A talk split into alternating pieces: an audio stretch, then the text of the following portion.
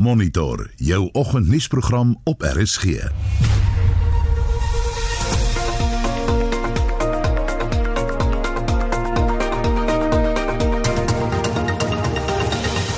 ons program 'n nuwe hoof van die onafhanklike polisie direktoraat word benoem.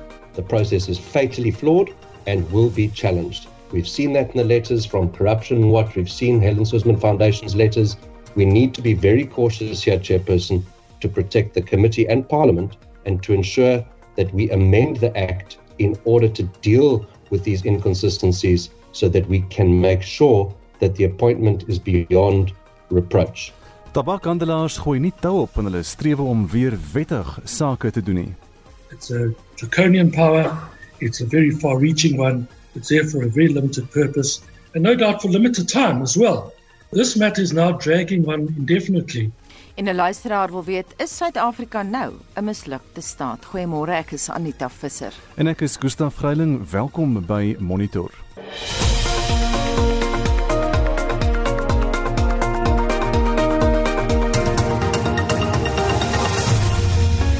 Pat nou 12 minute oor 6 is ingeskakel hier by Monitor op RSG. 'n Oorsig van die koerant voorblaaie vir Donderdag die 16de Julie. Die burger vanoggend werksverliese en honger eis sy tol. Studie wys op COVID-19 se negatiewe impak in April en dis die maand toe nagenoeg 3 miljoen mense hulle werk verloor het. Die vraag is egter wat die toekoms gaan inhou. Daar is ook 'n berig op die burger wat sê Rannies Sex Shop maak dalk ook toe. Die gewilde bestemming op roete 62 is swaar deur die impak van die koronavirus getref. Beeld se voorblad vandag so laat virus SA hongerly dis ook die berig oor die omvattende navorsing wat deur akademici gedoen is oor COVID-19 se impak op Suid-Afrika. 7000 Suid-Afrikaners is deur 30 navorsers uitgevra. En 'n berig oor 'n 54-jarige diabetes, Valerie De Bruin, wat sê sy het geweet dat dat sy sal hierdie koronavirus oorleef. Daar's ook foto's van die swembad wat vries nadat Potch -8 haal gister. Volksblad het ook 'n foto van die snerpende koue. 'n Dag in die provinsie gister Albi Grobbelaar van Lukhof het sy bevrore spulpunt afgeneem met die ys wat so fabelagtig daaraan hang. Business Day Discovery is gereed om COVID-pasiënte te skuif. Pasiënte sal oor die land heen verskuif kan word, sê die mediese fonds en daar's ook 'n foto van Cecil John Rhodes sonder sy kop by die gedenkteken uh, aan die hang van Tafelberg wat gevandaliseer is. Internasionaal op bbc.com 'n hittegolf in Siberië is 'n duidelike bewys van klimaatsverandering en Donald Trump vervang sy veldtogbestuurder vir sy herverkiesingspoging. En dis vinnige oorsig oor, oor vanoggend se nuus. Ek wil nou ook daai foto van daai swembad sien, Gustav. Ja. Hou hom, hou hom byderhand. Een van die inperkingsregulasies wat min aandag geniet, maar tog hartseer veroorsaak, is die verbod op familiebesoeke. Selfs al woon jou familie net 'n klip gooi van jou af, mag jy nie vir hulle gaan kuier nie.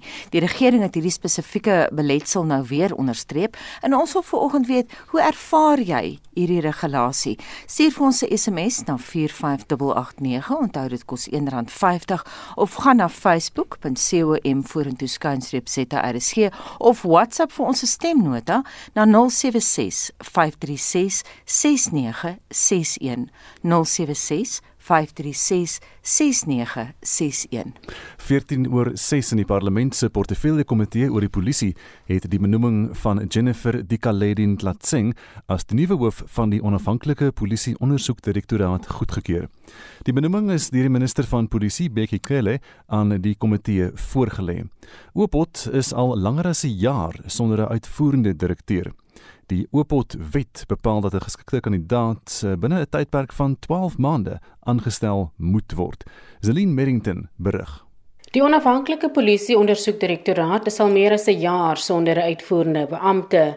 Dit nadat die kontrak van die vorige hoof, Robert McBride, nie hernie is nie.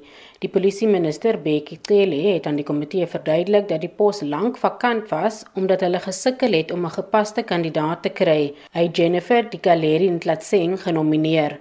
On the three candidates who were interviewed, Miss Jennifer Dikaleri Ntlatseng was unanimously nominated by the panel as the best candidate whose name should be submitted to the parliament for consideration. Volgens 'n 2016 hofuitspraak nadat die destydse polisieminister Nathi Nhleko McBride uit sy pos verwyder het, moet die wet op die onafhanklike polisie ondersoekdirektoraat hersien word oor onder meer hoe die hoof van Oopot aangestel en verwyder mag word. Sommige burgerregteorganisasies het gemaan dat die komitee nie 'n nuwe kandidaat mag aanstel voordat die wet hersien is nie. Die DALP Andrew Woodfield stem saam met hulle. Whether you want to or not, whether we, we do not have the authority to proceed with the appointment of the minister's nominee, the process is fatally flawed and will be challenged. We've seen that in the letters from Corruption Watch. We've seen Helen Swisman Foundation's letters.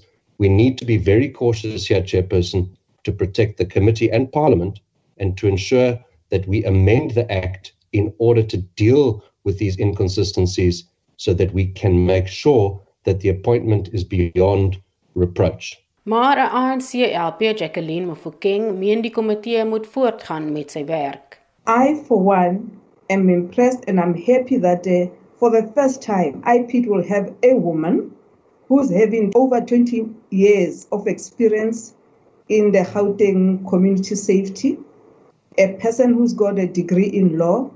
And I'm asking myself, what is it that now we want? Because this is the person we are looking for, and it will be for the first time that IPIT is going to have a woman. Die DA en Vryheidsfront Plus het nie die nominasie ondersteun nie. Die komitee voorsitter Tina Juma Patterson sê die komitee is tevrede met die kandidaat. We strongly support the candidate which has been proposed by the minister. The committee therefore accepts that Ms Jennifer Dikoledi Glaseng be appointed as the executive director of IPID. We are convinced that this was a robust process and that we have ensured that we've appointed an individual which has the necessary qualifications for this position. Die nominasie moet nou in die nasionale vergadering ter tafel gelê word om dit te finaliseer. Zelin Merrington, Parlement. Die Fair Trade Independent Tobacco Association sal tot volgende week moet wag om te hoor of die appelle van Bloemfontein hulle saak sal hersien. Vita, die Hooggeregshof in Pretoria, om verlof tot appel genader nadat die hof vroeër sy aansoek teen die verbod op die verkoop van tabakprodukte van die hand gewys het. Lila Magnus sê die besonderhede. Fita se advokaat Arnold Subel het aan die Hooggeregshof in Pretoria gesê hy glo hulle moet die geleentheid gegee word om hul saak voor 'n ander hof te stel omdat dit van nasionale belang is. Subel het aangevoer die Hooggeregshof in Pretoria het 'n fout gemaak deur te sê die minister van samewerkende regering en tradisionele sake Nkosazana Dlamini Zuma se besluit was rasioneel. We submit that the court went too far in finding that it was adequate for the minister to rationally link the sale to the object that was sought to be achieved. And the approach taken by this court, we submit with respect, was far too benevolent, as I've indicated, to the minister in exercising a power that has to be very restrictively interpreted. It's a draconian power, it's a very far reaching one, it's there for a very limited purpose, and no doubt for limited time as well. This matter is now dragging on indefinitely. Hy sê die Hooggeregshof het nie genoeg aandag gegee aan die ekonomiese impak wat die verbod het nie. Ultimately we submit there's a reasonable prospect that another court may say taking a view here to balance it. On the one side of these scales, we'll put in the minister's justification that there's some benefit, some unarticulated, unquantified benefit. This court found that that was sufficient, but you've got to weigh that up. And the court, with respect, and the appeal court may reasonably find that weighing that up against what is indisputably the enormous prejudicial consequences of, of this ban, the court may find that it doesn't pass the test. Advokaat Marumo Murane het Lamini Zuma verteenwoordig. Hy het aan die hof gesê 'n ander hof sal nie tot ander gevolgtrekkings kom nie en daarom moet die aansoek tot appel geweier word. We submit that this court's analysis on these considerations cannot be faulted. On the facts, all relevant factors including the economic and psychological impacts were considered. The weight to give a particular consideration is preeminently a matter of discretion which the minister must be given leeway to determine. A failure to consider various factors only renders executive action reviewable if failure to consider that factor renders the decision irrational. Morane het aangevoer Vita tree in sy eie belang op en nie in die belang van die publiek nie. This particular application we submit is primarily aimed at protecting the financial interests of the applicant's members to ensure that they are allowed to trade in cigarettes and tobacco products. The applicant brought this application in its own interest and did not purport to act in the public interest. Regter president Dunstan Mlambo het uitspraak voorbehou en gesê die volbank regter sal volgende week al beslissing bekend maak. Ek is Lila Magnus vir SAIK nuus in Pretoria. Mevrou Heelal sê sy voel die gees van Nelson Mandela is deur die menslike reaksie op die COVID-19 pandemie. Zosibini Tunzi het eksklusief met SAIK nuus gesels 'n bietjie later oor daardie storie, maar nou eers Gustaf PSG. PSG is 21 minute oor 6 en die sake verslag word aangebied deur Louis van Rensburg van PSG Wealth Pretoria Oosmôre Louis. Goeiemôre Gustaf en ook al die luisteraars. Die JSE het gister in lyn met Europese en oosterse markte positief vertoon nadat hoop op 'n moontlike teenmiddel vir die COVID-19 virus vlam gevat het. Nou die hoop is gebaseer op biotehnologie maatskappy Moderna se moontlike teenmiddel wat positiewe resultate op aanvanklike toetse op alle pasiënte getoon het. Nou die JSE het teen laatmiddag egter van hulle vroeg hoogtepunte teruggetrek, maar beide die algehele en die top 40 indeks het tot meer as 0.7% hoër gesluit met die algehele indeks die dag op 55947 punte en die top 40 op 51606 punte gesluit. Nou op 'n ander was die dag 1% hoër. Die nywerheidsindeks was die dag 0.8% sterker terwyl die finansiële indeks die dag basies onveranderd geëindig het.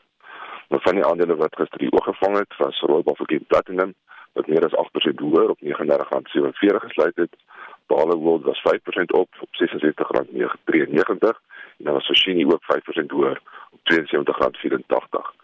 Die ekonomiese front het die Suid-Afrikaanse inflasiesyfer vir Mei op 'n jaar op jaar grondslag tot 2.1% verlangsaam en dit was die laagste syfer in meer as 15 jaar. Dan in Europa was markte ook sterk positief geweest met die FTSE 100 in Londen en die DAX in Frankfurt wat by die dag 1.8% hoër gesluit het. Die CAC in Parys die dag 2. of 2% hoër gesluit. Met die FSA gisteraand was markte ook positief en alhoewel die groot dryf die positiewe nuus oor die moontlike teenmiddel was, het beter as verwagte verdienste syfers van Goldman Sachs ook 'n bydraende faktor tot die positiewe sentiment gelewer. Nou verder het ook nuus uit die Europese Hof dat Apple nie die 15 miljard in belasting hoef te betaal wat die Europese Kommissie in 2016 vir hulle vereis het nie, ook 'n bydraende faktor tot die positiewe sentiment gelewer. Nou die Dow Jones Index en die S&P 500 Index het die, die dag al 0.9% hoër gesluit, terwyl die Nasdaq Index die dag 0.6% sterker was. Nou in die ooste vanoggend is markte volgens meestal in die rooi met die vrees oor die deurlopende spanning tussen die VSA en China wat groter word wat druk op markte plaas. Op die ekonomiese front daar, die Chinese ekonomie met 3.2% gegroei op 'n jaar tot jaar jaar basis vir die tweede kwartaal van 2020 wat beter as die 2.5% wat verwag was. Maar die kleinhandelverkope in Junie het met 1.8% ingekrimp teenoor die syfer van 0.0.3% groei wat verwag was en dit was dus heelwat slegter wat toon dat die ekonomiese groei in, in China tog heelwat sukkel. Die Nikkei in Japan is volgens so 0.7% laer Die Hang Seng Index verhandel nou so tans 1.1% laer met Tencent wat daar so 2.9% af is. Die ASX in Australië is op die oomblik so 0.9% af. Soos ander weer van die aanwysers toe verhandel goud op 1809 dollar per fynons, platinum op 829 dollar en dan Brent olie sal die vanoggend 43 dollar 57 kos. Soos ander weer na die rand toe verhandel die rand op 16.66 teen die Amerikaanse dollar. R18.99 teenoor die euro en dan R20.91 teenoor die Britse pond. Dis al van my kant af. Ek hoop julle het 'n lekker dag verder. Dit was dan die sakeverslag aangebied deur Louis van Rensburg van PSG Wealth Pretoria Oos. Jy luister na Monitor elke weekoggend tussen 6 en 8. Dis half 7 en in die nuus die oorsaak van Zinzi Mandela se dood is bekend. 'n Bekende tuisnywerheid in Johannesburg moet sy deure weens COVID-19 sluit. Koriander is amper soos 'n kind wat ek groot gemaak het. Maar ons het besluit om nie begrafnis te hou oor Koriander nie, maar eerder dankie te sê want dit is so 'n wonderlike lewenservaring gewees vir 40 jaar. En die president erken dat plaasmoorde 'n probleem in Suid-Afrika is, bly ingeskakel.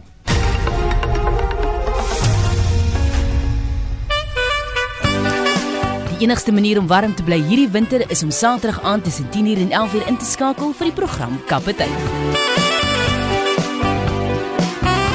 Ons langarm sokkie of losdans sommer vir daardie uur en jy doen dit saam met my, Sue Pyler. Sien jou daar.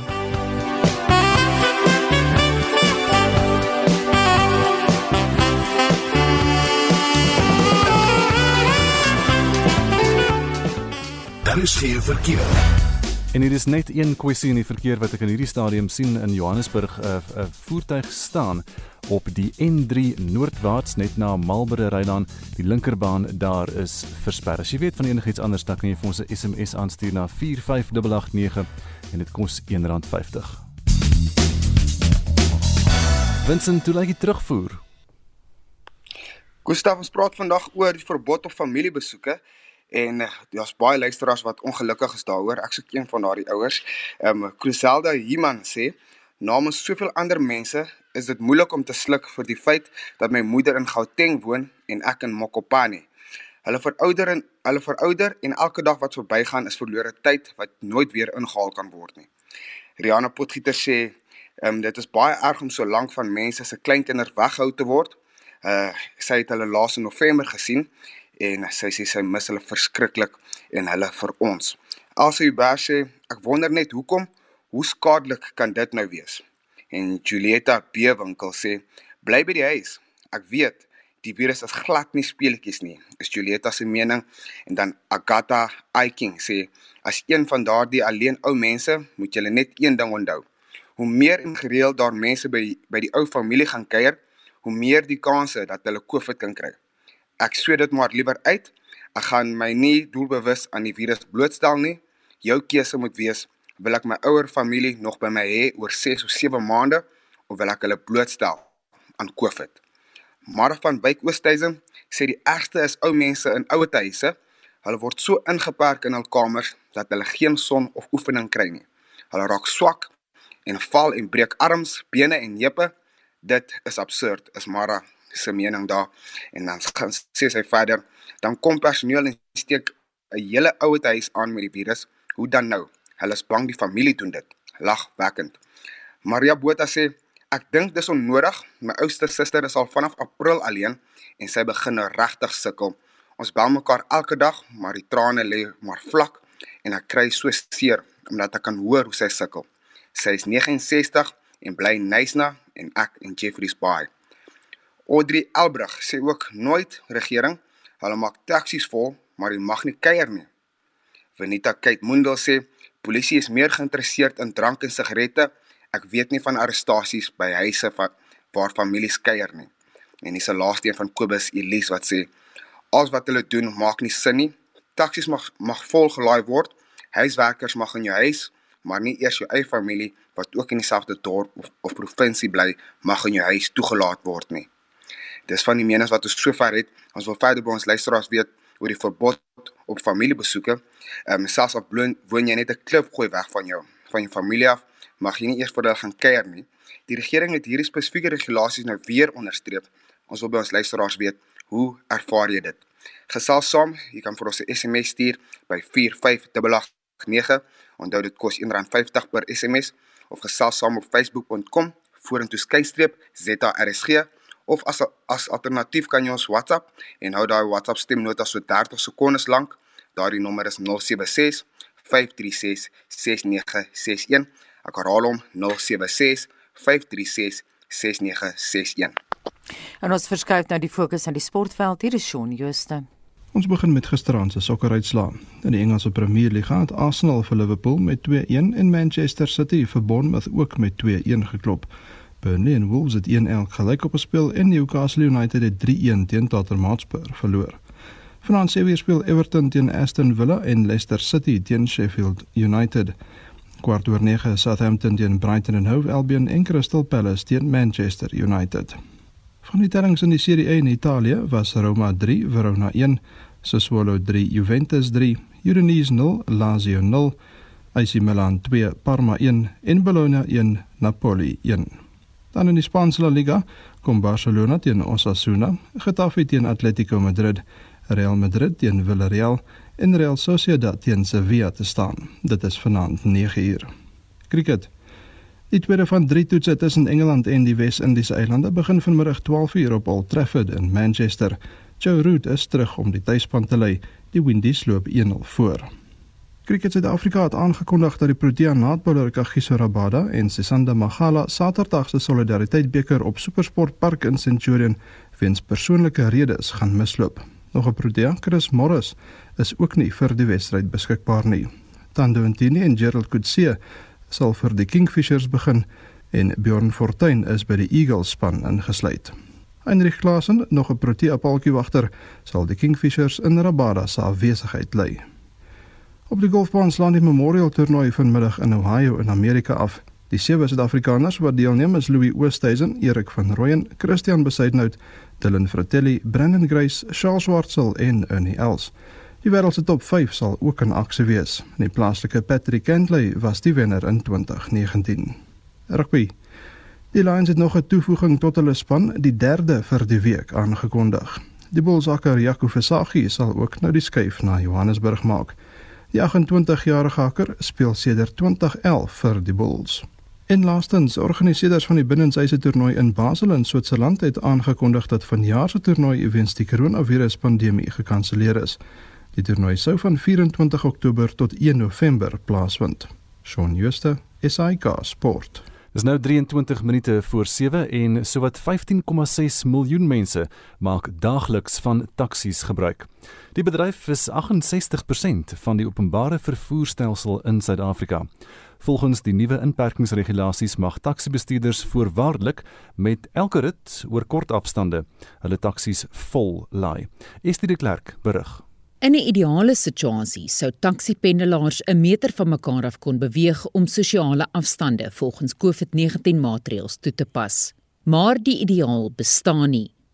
Dit is die woorde van die minister van gesondheid, Dr. Zweli Mkhize.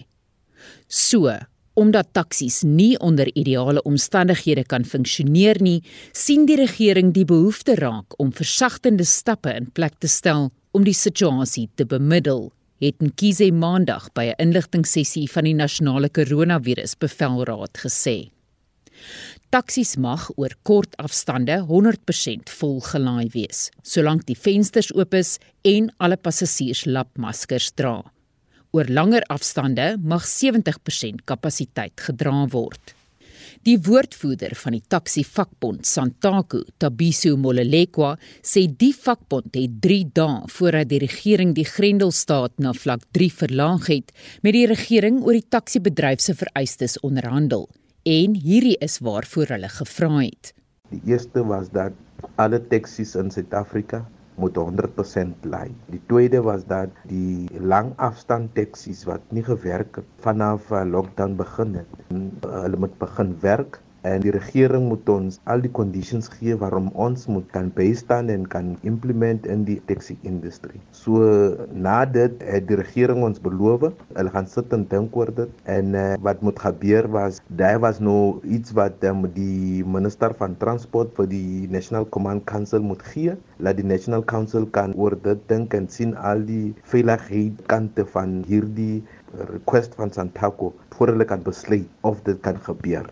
Skerp kritiek is die afgelope week uitgespreek teen die regering se hersiene inperkingsmaatreëls onder vlak 3. Geen besoeke aan familie word toegelaat nie. Streng sosiale afstande van minstens 1,5 meter moet tussen mense in restaurante, skole en by winkels gehandhaaf word. Dan is daar die aandklokreël wat weer ingestel is en die verkoop van alkohol wat weer verbied word. Maar wat taksies betref, mag hulle oor korter afstande teen 100% kapasiteit gelaai word. Twee van die regering se ministeriële raadgewende komiteelede oor COVID-19 het in hul persoonlike hoedanigheid as medisy kommentaar op hierdie teenstrydighede gelewer en sê die regering se nuwe maatreëls vir taksies gaan nie die verspreiding van die virus bekamp nie. Professor Shabir Madi, 'n professor in inenting aan die Universiteit van die Witwatersrand, het aan Media 24 gesê dit maak nie sin dat die regering onderskei tussen kort en lang taksieritte nie.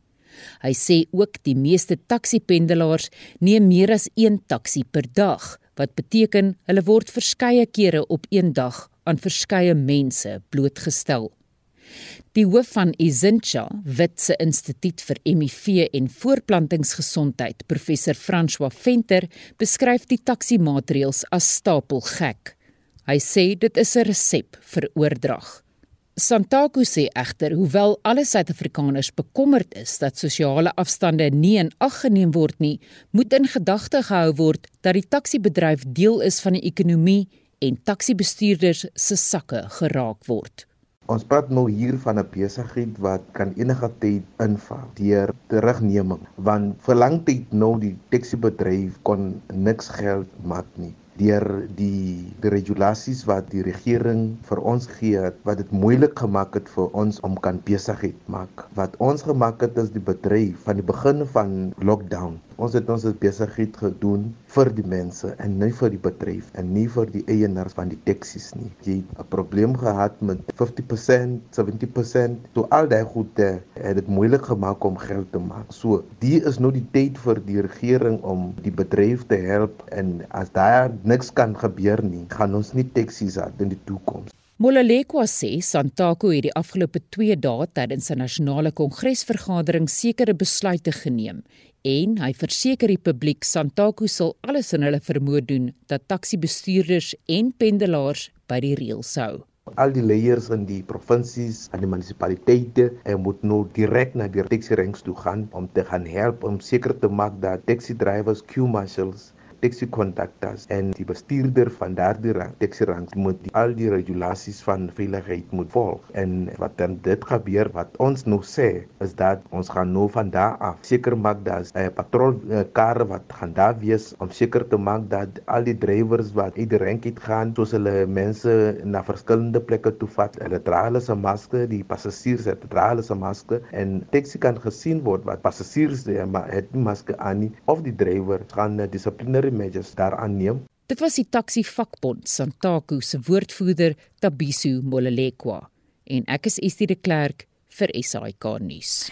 En vir kommentaar hierop praat ons nou met die hoof van Esinsha, dis nou onder afdeling van Witse reproduktiewe gesondheidsorg en die HIV Instituut, professor François Venter. Môre François. Hi everybody, I apologize for doing this in English. Dis pik fyn, ons wil die inligting hê. Fransjo, ons het nou in die pakkie gehoor dat uh, eh, ST het met jou gesels en jy die reëls as stapel gek beskryf. Dis nou dat taksies teen 100% vol gelaai mag wees oor kort afstande, 70% oor langer afstande. Daar is daar 'n kwalifikasie, die regering sê vensters moet oop wees en almal moet lapmaskers dra. Jou kommentaar daarop. So certainly the masks and opening the windows will help. Um, the, that will decrease the infectiousness. I think taking a step back, though, we've we've you know had the, one of the most severe lockdowns in the world, specifically to stop the spread of this virus. We've done incredible things. We've limited freedoms in this country dramatically. I don't think anyone um, contests the fact that we need public transport to be open and the taxis do need to be running. But the risk of this, you know, everything about we know about this virus is it transmits very, very, very efficiently when you're very close to people and when you're in a closed um, space.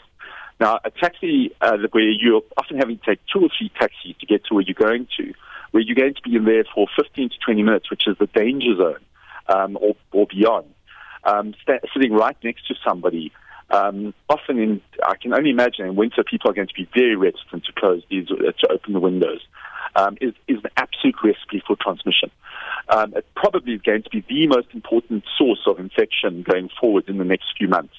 You know, other than in the household, the, the shops, the malls, uh, you know, the, the churches, most of these places have um, enforced the physical distancing. This is, you know, undermining everything that we've been trying to achieve in the last 4 months. En as dit dan so gevaarlik is, hoekom het die regering besluit om die taksies te la kan laat vollaai? I think you know I can only speculate but I'm afraid I a couple of um, people remember that there was a lot of uh, pressure from certain religious groups to to get churches to uh, be allowed to open with less than 50 people. Um, and that was purely a political um, move. And it's important people understand how dangerous that is. Church transmission in South Korea, in America, and in places in Europe was where the major transmission happened. So again, it seems like they are bending to politics rather than to uh, science and advice. Mm. I think the disappointing thing is we could have predicted this. We knew that the tech industry would need to reopen. We knew that people would need to get to work and that they are a vital part of it. And you can hear that they're starting to think about their role. But why has it taken four months to get to the stage where we are discussing this now? Ek wil terugkom na wat jy gesê het oor die oop vensters en die lapmaskers. Ons het deskundige na deskundige wat vir ons dieselfde ding sê, daar moet ventilasie wees. Ons het dit gehoor by uh, eh, Dr. Martie van der Walt noudig van die Tering platform by die Mediese Navorsingsraad en hulle sê elke keer in elke onderhoud dieselfde goed professor Bertram Fielding het vir ons dieselfde ding gesê. Maar nou soos jy reg sê François, Ons het vandag seker een van die koudste dae wat ons hierdie winter nog beleef het. And you use the word reticent. People will be reticent to open the windows. Ja. En dit is waar, dis op 'n praktiese vlak waar. Maar as julle nou met die regering daaroor sou moes praat, wat sou julle voorstel? I would you know, I would just say people must learn a new normal that we all going to have to learn to dress no, um dress more warmly over winter. I, I completely sympathize. You know, I'm, I'm here in middle Johannesburg. It's been some of the coldest couple of nights mm -hmm. this year in the last few days. Uh, it is not pleasant, but people are just going to have to dress more warmly. We can't have a situation where we say we're going to lock down the entire country, put everyone in their houses, severely curtail their freedoms, and then say we're not going to expect them to dress a little bit more warmly for the trip through. It's a real question of safety here that we are going to have to, to deal with. So again, I completely sympathize, but we are, Gauteng in particular, is in the midst of a of a firestorm in terms of this virus. It is tearing its way through the society. The healthcare system is barely, barely able, coping at the moment. You know, so to sit around and say, oh, you know, we're a little bit worried because we are, you know, we we're worried about people co- uh, being cold. You know, it's that, or we have huge numbers of extra deaths and a healthcare system that buckles under underneath the um, underneath what's coming. Yeah, we all dress warmly when we're going to, and we are going to have to learn how to do this going forward. Because this virus is almost certainly going to be here next year. When we go to the gym, when we go to the malls, when we go to the shops, we're just going to have to learn that this is what's going to happen. Joburg's winters are going to be unpleasant, and we have to dress warmly. And the rest of the world's learned this. Now, people with severe winters, they dress warmly when they go outside. So we just are going to have to learn how to do that. François, as jy nou 'n raadgewer kon wees vir die regering, as hulle jou raad kom vra het, wat sou jy vir hulle gesê het hoe moet hulle die taxi bedryf benader en die passasiers? Well, firstly, I should have done this 4 months ago. Um the second thing is what we're seeing at the moment is, is the government resorting to legislation and micromanagement and you know, these idiotic window jammers they're putting out there. What they should have done with the taxi industry is sit down with them and their drivers and say, listen, how do we do this as safely as possible? This is what the scientists say in terms of air transfers, in terms of masks, in terms of everything else. How do we keep you and your passengers safe? I don't think the taxi industry and the drivers want to hurt people. But the social compact should be around a mutual sort of agreement as to what the normal behavior is. So you have your passengers saying, why are your windows not open? Your passengers saying, why are you not wearing masks? You know, I think what we're seeing at the moment is social policing is happening within communities. So when people go into a shop and they see people aren't wearing masks, they don't go into a shop. Or they ask the manager why people not wearing masks. If too many people in the shop, the same thing. And we should start creating that culture rather than one where it's like this incredibly prescriptive thing. And unfortunately, governments, because it's been playing politics with church groups and with taxi owners, you know, that trust relationship falls apart. One of the things we know in public health is that when you don't trust people, people don't, uh, they don't uh, do the things that we need them to do. So I would tell the government to go and sit down, come up with something that's coherent, that at the same time respects the fact that there is going to be a risk. But try and minimize that risk as much as possible. François baie dankie ons het gesels met die hoof van Ezincha, professor François Venter is 11 minute voor 7 en die COVID-19 pandemie het nog 'n sake slagoffer geëis na 40 jaar moes die tuisnywerheid Koljanner in Melville in Johannesburg noodgedwonge sy deure sluit. Maar als is nie verlore nie, 'n winkel in 'n nuwe gewaad, Koljanner Marketplace, trek binnekort sy baadjie aan. En die buurt se inwoners wat gereeld daar ingeloop het vir klaar voorbereide etes of gebak, sal dit eersdaags weer kan doen. Esther de Klerk het met Elise Lamprecht gesels wat die afgelope 40 jaar deel was van die Koljanner direksie en het haar gevra hoe sy voel dat Koljanner sy deure moes sluit. Weet jy, Koljanner is amper soos 'n kind wat ek groot gemaak het, maar ons het besluit om nie begrafnis te hou oor Koljanner nie, maar eerder dankie te sê want dit is so 'n wonderlike lewenservaring gewees vir 40 jaar. Mens moet eintlik dankie sê en feesvier dat die winkel goed was vir 40 jaar. In 1980 open Koljander sy deure in Melville se derde laan as 'n korporatiewe sakeonderneming en jy's een van 'n ja. direksie van 5 wat die winkel bestuur. Ja, die koöperatiewe wet het bepaal dat jy 25 lede moet wees om te begin en eintlik 7 direksielede, maar ons het dit later verminder na 5 toe wat vir ons meer effektief gewerk het. En ons het in 'n ou dierewinkel, pet shop begin. So ons het vreeslik geskrop en geskuur om van 'n pet shop 'n koekwinkel te maak. Na jaar het die huidige spasie beskikbaar geraak en dit het ons oorgetrek na Mynweg Melville. En dit was 'n verwinkel wat ons toe nou omskep het in Koljander en na uh, ag ek kan nie onthou hoe lank na 'n jaar of 2 3 het die winkel Lansan wat 'n uh, haberdashery winkel was het dit beskikbaar geraak en ons het toe nou hierdie twee dele, die een deel is 'n bietjie laer as die ander deel. En oor die jare het ons uitgebrei en soort van tekeninge gemaak wat ons nodig het en ons verhuurders wat mys apteek was, was baie tegemoetkomend. So hulle het vir ons alles aangebou wat ons wou aangebou hê. Maar ons het nooit 'n dag toegemaak nie. Ons het gate geslaan en lakens gehang, maar ons het besluit ons maak nie toe met al hierdie uitbreidings nie. Elise, hierdie afgelope week wat dit nou bekend geword het dat Koljander sy deure gaan sluit, het mense op sosiale media veral bekend gemaak dat hulle hulle gunsteling bakkers se nommers onthou. Wat is dit wat Koljander so spesiaal maak? Weet jy daar's 'n noem dit maar 'n tradisie by tuisnywerhede. Dit kom nou jare terug wat hulle nie Baxter se nommers bekend gemaak het nie en ek kon nooit dit verstaan nie want 'n mens is trots op wat jy maak. So op 'n stadium het ons 'n groot bord gehad in die winkel wat sê nommer so en so is so en so en jy weet so as jy jou goed inbring na Koljander toe dan moet jy trots wees daarop. En so die mense nou maar die nommers leer ken ook en as ek dink nou sommer aan wonderlike sjokoladekoeke, jy weet, bar one koek en 'n toffee nut koek wat een van ons direksielede June Smith gebak het wat absoluut die top verkoper geraak het in die winkel. Elise, jy het vir 40 jaar aangebly by Koljander en nou gaan jy sekerlik aftree, maar wat sal jy die meeste mis? Weet jy ek haat daai woord aftree. ek wil nie aftree nie.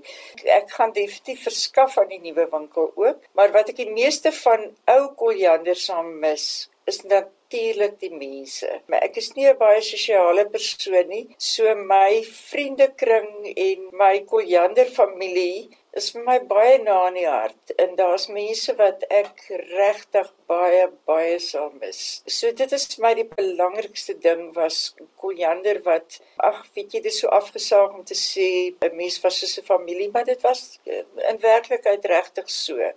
Is 'n klomp vriende en ons het van die begin af gesê een reël in die winkel. Jy word nie geskinder nie en nou mense het dit nie altyd reg gekry nie, maar ons bes probeer. En verder praat niemand oor vreeslike goed wat in hulle lewens gebeur het nie. Jy weet of bespreek die geboortes van hulle kinders nie. Sulke goed was verbode in Koljander. Ons het ook op 'n stadium gesê niks wat in 'n toilet hoort en niks wat pers is nie. Dis die tyd toe pers nou baie kitsch was. So dinge het nou verander, maar ons het ons reëls gemaak om Koljander 'n spesifieke karakter te gee. So die ou koljander maak nou toe, maar die nuwe koljander maak nou sy deure oop. Vertel ons daarvan. Dis nou nogal opwindend. Dis jong mense uit ons ledetaal, Karika June Smith se skoondogter en haar man Tuis en hulle twee begin nou met die nuwe koljander in die onderste deel van koljander en hulle wag eintlik net so bietjie vir hierdie skrikwekkende COVID-19 om bietjie te gaan lê en hulle hoop teen die einde van Augustus kan hulle Koljander Marketplace oopmaak. Wat 'n karaktervolle plek gaan wees en waar Karika gaan bak ook op die perseel. En dan gaan die ou lede van Koljander is almal genooi om verskaffers te wees. So ek sien baie uit na Koljander Marketplace. Elise, gaan mense ook aanlyn bestellings kan plaas? Ja, Koljander Marketplace gaan tot 'n groot mate aanlyn werk met bestellings. Ons het ook aanlyn gewerk, maar nie soveel soos wat hulle beplan om te werk nie. En ek is seker hulle sal steeds 'n afleweringsdiens ook beplan, maar definitief baie aanlyn. En dit was Elise Lamprecht wat 40 jaar lank een van die direksielede van die tuisnywerheid Koljanner in Melville in Johannesburg was en Estie de Klerk het met haar gepraat. Mevrou Heelal sê sy voel die gees van Nelson Mandela deur die menslike reaksie op die COVID-19 pandemie. Zozibini Tunzi het eksklusief met SAK nuus gesels met die oog op internasionale Nelson Mandela Dag. En soos Madiba het sy probleme oor rasisme gekonfronteer sedert sy in Desember verlede jaar die kroon ingepalem het. Vincent Mofokeng het meer. South Africa. 'n Oorwinning wat haar in die kolle geplaas het. 'n Platform vir haar om waarheid met mag te spreek, ook as dit kom by die voorbeeld van Suid-Afrika se eerste demokraties verkose president. It is a very interesting time this this whole pandemic and especially being far from home and uh, being in New York. I think just the spirit of Madiba I've, I've felt during this time. Um, you know, a spirit of, of, of giving, a spirit of, of togetherness um, is something that I've appreciated during this time. You know, when we speak of, of humanity, um, a lot of people have said we don't have humanity anymore. It's died a long time ago. And I think during this time, we were all able to see that actually, you know, people still care. You know, people are still able to be there for each other, you know, during tough times. And so I think I've felt his spirit come through a lot during this time. In alhoewel Madiba se 'n stryd teen rasisme en apartheid was, is dit 'n werklikheid wat Zossi se generasie steeds konfronteer soos dit blyk uit die Black Lives Matter beweging in die FSA regoor die wêreld en in haar persoonlike ervarings. On the positive end, just getting so many messages from young black women, um, you know, from young black girls and, and, and their parents, you know, sort of sending me DMs and texting me and sending me videos on a daily, you know, to say thank you for saying what you said and thank you for being so authentic and being yourself. Because you were that person you gave me permission uh, you know, to be comfortable in my blackness and everything that I stand for. And so I think that's been the most beautiful part of my journey. And of course, um, you know, the ugly side of it as well, of people still not being accepting of my skin and the person that I am. Die VN-hoof Antonio Guterres bied vanjaar die Mandela Dag lesing aan onder die tema Tackling the Inequality Pandemic: A New Social Contact. Mevrou Heelal probeer as 'n vroueleier 'n beter samelewing na COVID-19 te bou. Women have always been there. Um, and I feel like they will always be there. And so I, I definitely um, see their role and, and, hoping that they will be very much included um, after the pandemic. I think one thing that this pandemic has shown us is such a huge gap in inequality, you know, whether it be with gender and whether it be with race. And I think it's just one of the things that it revealed to us the most. And so, you know, stepping out of the pandemic, I'm hoping those are the things that are going to be tackled. Oor die toename in geslagsgebaseerde geweld waarteen oud-president Mandela al in 1997 gewaarsku het, voel sy baie gefrustreerd. I'm mad. I am I'm extremely um infuriated by what's happening because not only do women have to deal with, you know, being scared of the pandemic and being scared for their health, now we also have to, you know, worry about our lives. Um, it's, it's, it's too much, you know, for, for women all over the world. 'n Regering wat heeltemal verander is deur 'n pandemie, maar inspirasie kry uit die voorbeeld van 'n man wat die ampteed afgelê het om Suid-Afrika se eerste swart president te word toe sy net 7 maande oud was. Die verslag van Sherwin Bryce Peace. Ek is Vincent Mofokeng vir SAK nuus. En hier is nog stemnotas van ons luisteraars. Goeiemôre Patrick van van der Byl. Ja, nee, hierdie verbod dat jy nie meer jou familie mag gaan besoekie. Ek hou glad nie daarvan nie. My kleindogter verjaar vandag. Ek kan nie eens so gaan sê hallo, happy birthday van oupa af nie. Maar ja, is maar nou een van daai dinge, mens moet seker maar die reëls volg, né? Ja. Maar ek is baie ongelukkig daaroor. Patrick van van der Byl. Goeiemôre Janie. Dis erg, dis erg. Uh, gelukkig my familie is by my. die ander is te ver. So ja, ons moet maar wag vir die lockdown om verby te kom. En dit bring ons by 7uur.